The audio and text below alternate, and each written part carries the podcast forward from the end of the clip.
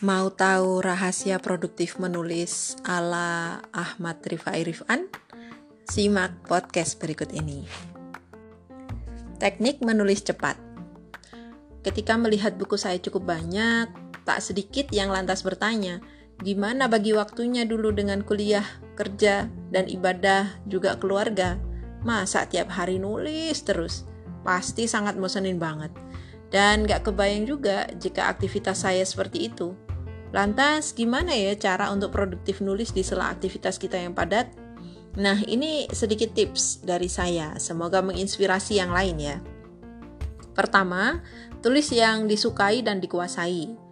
Saya tidak pernah sekalipun menarget waktu penulisan buku, karena hingga saat ini saya belum bisa menulis secara profesional. Saya hanya nulis kalau sedang pengen nulis.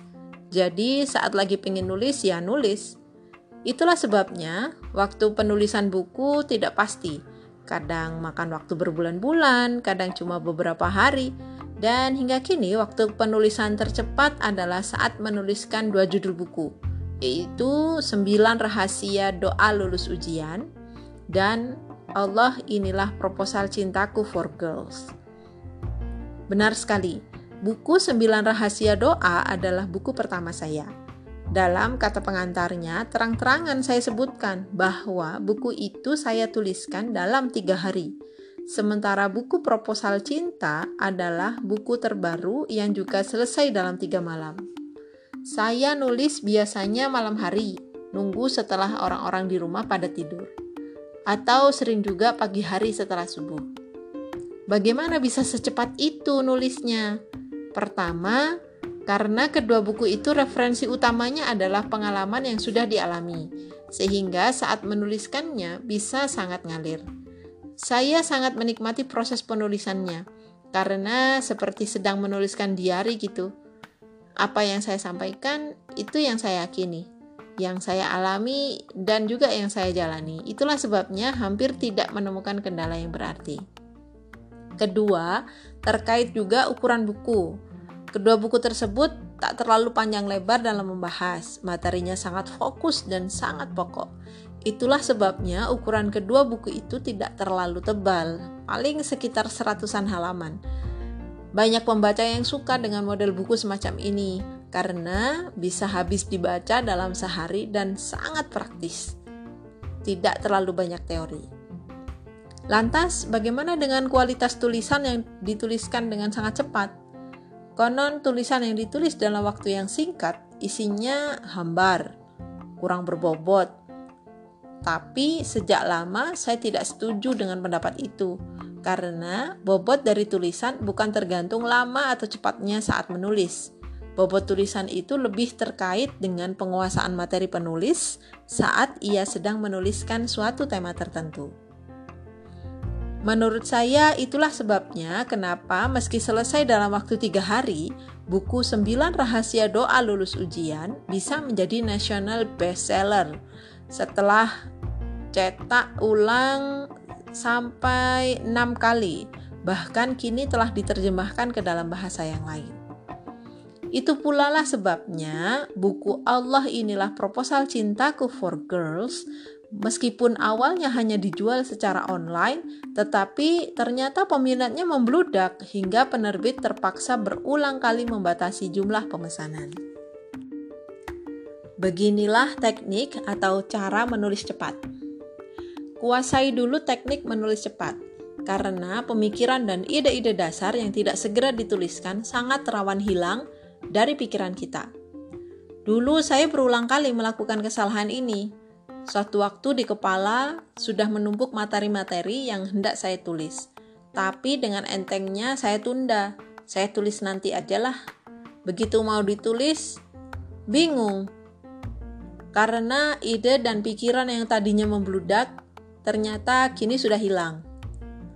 Itulah pentingnya menulis cepat. Yang terpenting adalah segera menuliskan gagasan ketika kita sedang dalam kondisi kebanjiran ide. Tulislah ide-ide dasarnya dulu, jangan tergoda untuk mendetilkan materi. Tulis yang paling pokok dari ide kita. Setelah ide pokok sudah tertulis semua, pengayaan isi dan penyuntingan bisa dilakukan pada tahapan berikutnya. Jika kita sudah terbiasa memaksakan diri untuk segera menulis setiap ada ide, maka masalah penundaan dan kemacetan ide ini bisa lebih mudah untuk dihindari. Ingatlah bahwa kebiasaan menunda-nunda adalah salah satu penghalang terbesar orang untuk menjadi sukses, termasuk untuk sukses menjadi seorang penulis buku yang produktif. Padahal, jika kita sudah punya impian yang besar untuk menjadi penulis yang produktif, kebiasaan ini yang harus kita paksa dan kita lawan. Kita, jika sudah ada ide yang kita pikirkan, maka harus segera kita tulis. Kebiasaan menunda-nunda dalam menulis hanya akan menjadikan kita kehilangan ide dan gagasan yang sudah kita dapatkan sebelumnya. Kita mungkin suka sekali bilang, ntar aja lah, besok aja lah, gitu ya. Nah, padahal inilah rumus hidup orang-orang besar. Jangan menunda apa yang bisa dikerjakan saat ini. Saat malas nulis, bayangkan kembali impian-impian tinggi kita. Apa bisa semua impian itu digapai dengan kemalasan? Kemalasan hanya akan menunda kesuksesan. Menulis produktif itu ternyata bukan perkara fasilitas. Saya tuh sering bilang, nuliskan bisa kapan pun, bisa di mana pun, juga bagaimanapun. Dulu saat saya masih kuliah, sambil nunggu datangnya dosen, saya ketik-ketik di HP, coret-coret di buku, nulis apa pun yang sedang direnungkan dan juga dipikirkan. Begitupun saat saya kerja di kantor kalau lagi nggak ada tugas di kantor yang sekiranya perlu saya kerjakan, maka saya gunakan waktunya itu untuk nulis-nulis.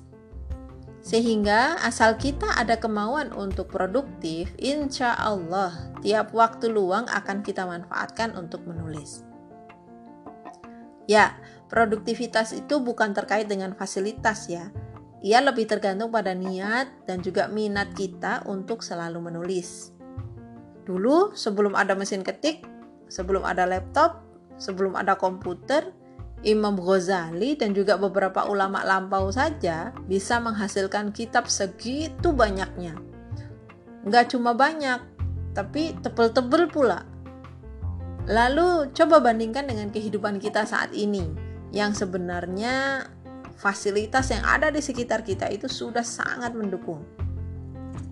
Tapi lagi-lagi yang menjadi biang kerok sebenarnya itu bukan fasilitas, tapi malas. Ya nggak sih?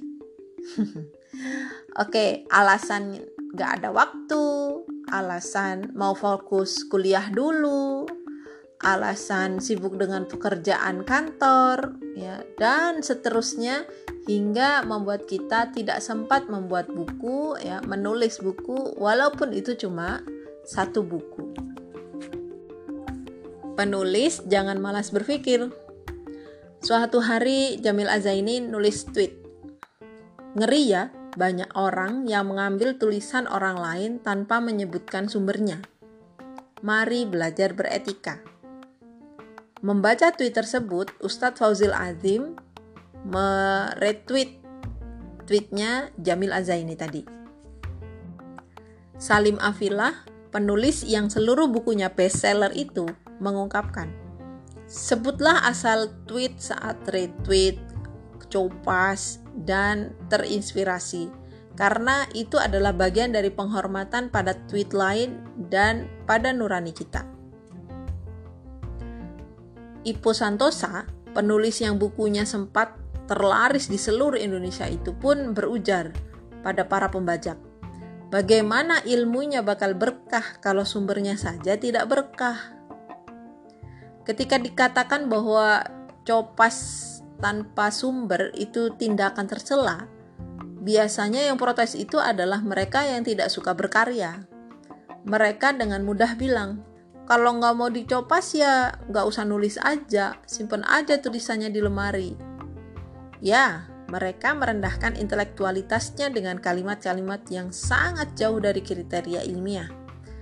Ada pula yang bilang, semua ilmu itu kan datangnya dari Tuhan. Benar, Tapi Tuhan sudah menyertakan tiap manusia cara pemahaman masing-masing atas satu ilmu, cara penyampaian antar manusia bisa sangat berbeda. Maka hargailah karunia Tuhan tersebut. Berulang kali Tuhan bilang, Afala ta'kilun, afala tatafakkarun. Kenapa enggak kau gunakan akalmu? Kenapa tak suka berpikir? Sungguh, penulis yang malas berpikir hanya akan menjadikan karyanya sebagai jiplakan dan dia menjadi penjiplak yang paling mahir. Dalam lingkungan akademis, kopas ini adalah tindakan yang sangat memalukan. Plagiarisme adalah tindakan yang tak bertanggung jawab. Kalau memang masih belum mampu menulis yang baik, maka mencantumkan sumber adalah tindakan yang bijak. Mengkopi tulisan tanpa sumber lalu menerima pujian atas tulisan yang kita copy itu sama dengan menerima pujian tampan padahal kita sedang pakai topeng. Nulis kapan pun dan di mana pun. Dulu, waktu memasuki semester akhir perkuliahan, teman-teman kampus pada heran. Mereka tahu saat itu saya sangat disibukkan dengan kuliah. Ada kerja praktek selama dua bulan di sebuah perusahaan, ada tugas akhir, ada seminar proposal, ada tugas proyek, serta masih ada juga beberapa kuliah. Tapi buku-buku baru kok malah bermunculan. Mereka heran, kapan saya nulisnya? Maka saya jawab, nulis kan gak harus duduk manis di kamar sambil menatap layar komputer. Ide-ide kan bisa muncul kapan saja dan di mana saja. Kalau idenya tiba-tiba muncul waktu di jalan, apa harus nunggu ntar malam baru menuliskannya? Ya keburu hilang. Maka menulislah kapan pun dan di mana pun itu selagi sempat. Sekedar cerita ya, beberapa buku yang baru terbit kebanyakan saya tulis di ruang tunggu jurusan loh ceritanya beberapa waktu terakhir kan saya sering banget tuh duduk di ruang tunggu. Nah, sambil nunggu dosennya datang, daripada duduk kehilangan banyak waktu, ya mending dipakai nulis. Mungkin ada juga yang tanya, berarti ke mana-mana harus bawa laptop dong? Hei, siapa suruh nulis langsung di laptop? Nulis itu bisa di mana saja, di atas kertas juga bisa, kan bisa pakai pulpen. Kalau pas butuh nulis cepet, saya juga sering nulis di atas kertas. Diambil dari buku Super Writer menjadi penulis super produktif, super inspiratif, dan super laris yang ditulis oleh Ahmad Rifai Rifan diterbitkan oleh KMO Indonesia. Terima kasih sudah setia di Rumah Inspirasi karena motivasi dan inspirasi selalu ada di sini.